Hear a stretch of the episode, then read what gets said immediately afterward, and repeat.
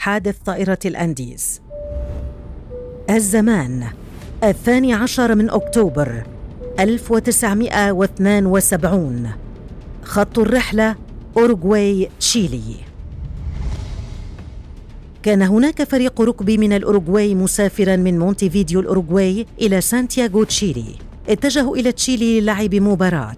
قرر الفريق وعائلاتهم أن تكون الرحلة عبر الجو لذا كانت الطائرة التي ستقلهم تابعة لسلاح الطيران في الأوروغواي وكان على متنها طاقم مؤلف من خمسة أفراد على رأسهم الكابتن خوليو سيزار البارع في الرحلات في جبال الأنديز.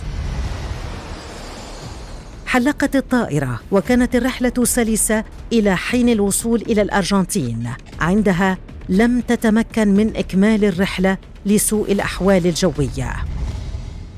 قرر الفريق البقاء ليلة واحدة في الأرجنتين حتى معاودة الطيران في اليوم التالي. ولكن لسوء الحظ لم تتحسن الأحوال الجوية. الفريق كان على عجل من أمره لذا لم يكن أمامهم سوى خيار السفر في ذلك النهار. عند الساعة الثانية وثماني عشرة دقيقة ظهرا انطلقت الرحلة من مطار مندوزا. كان هناك عاصفة قوية ضربت الأحوال الجوية. كان طاقم الطائرة على تواصل دائم ببرج المراقبة.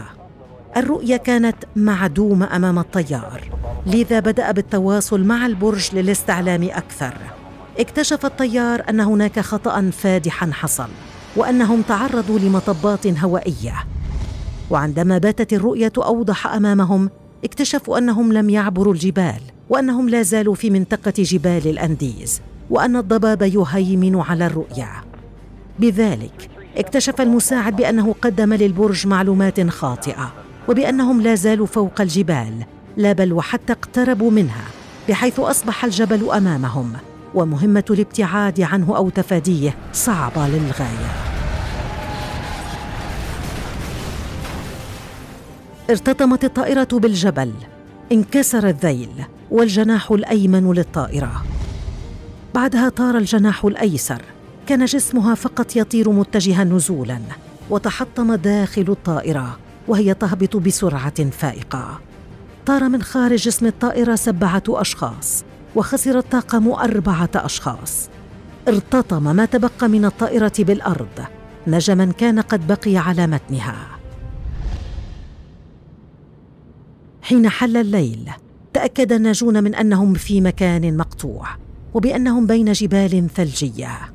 كانت الأجواء ثلجية وباردة جدا.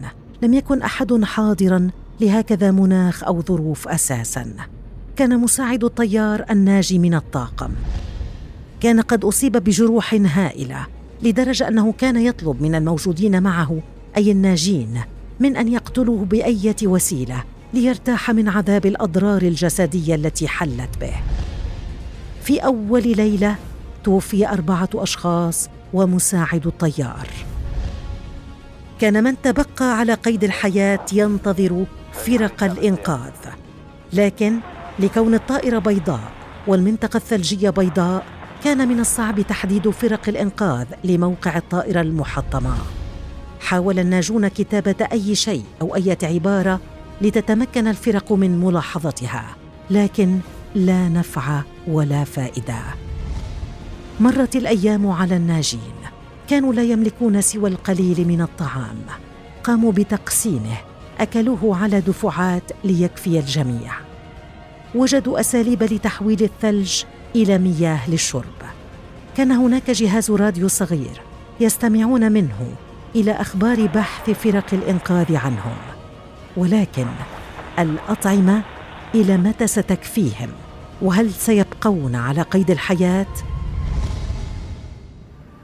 مرت الأيام. لا إشارة واضحة. اضطر الناجون إلى فك كراسي الطائرة وأكل الجلود المصنوعة من المقاعد ما أدى إلى تضرر العديد بسبب المواد الكيميائية التي تناولوها. في اليوم التاسع توفي أحد الناجين.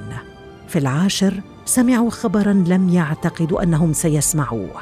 الخبر كان مدمرا. أذيع بأن عمليات البحث عنهم قد توقفت. كان على قيد الحياة 27 فردا. قرروا في هذه الحال أن عملية الإنقاذ ستكون من مهمتهم. اتفقوا على المشي للبحث عن أي أثر لمدينة أو لأشخاص لمساعدتهم. كان بعضهم مصابين بإصابات بالغة. قرر من بقي على قيد الحياة أكل جثث من مات. أجبر الناجون أنفسهم على تقطيع الجثث رويدا رويدا حتى بات الأمر عاديا بالنسبة إليهم بعد عدة أيام. عندما استعاد البعض منهم قوته قرر البدء بعمليات البحث. لكن في التاسع والعشرين من أكتوبر حصل انهيار ثلجي أنهى حياة ثمانية أشخاص جدد. بعد مرور بعض الوقت تمكنوا من الوصول إلى ذيل الطائرة المدفون تحت الثلج وصنعوا منه أكياسا للنوم ليحتموا من البرد والصقيع.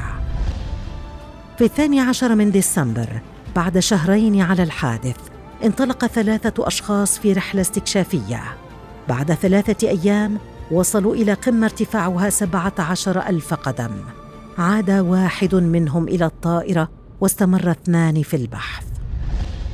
بعد عشرة أيام بتاريخ الحادي والعشرين من ديسمبر وجدوا مجرى مياه مشوا باتجاهه ليجدوا فجأة راعيا على حصان نادوه والتقوا به وأخبروه عن مصابهم. ذهب أولئك وأبلغوا السلطات. بعد 72 يوما من المعاناة انطلقت فرق الإنقاذ لمساعدة وإسعاف الناجين.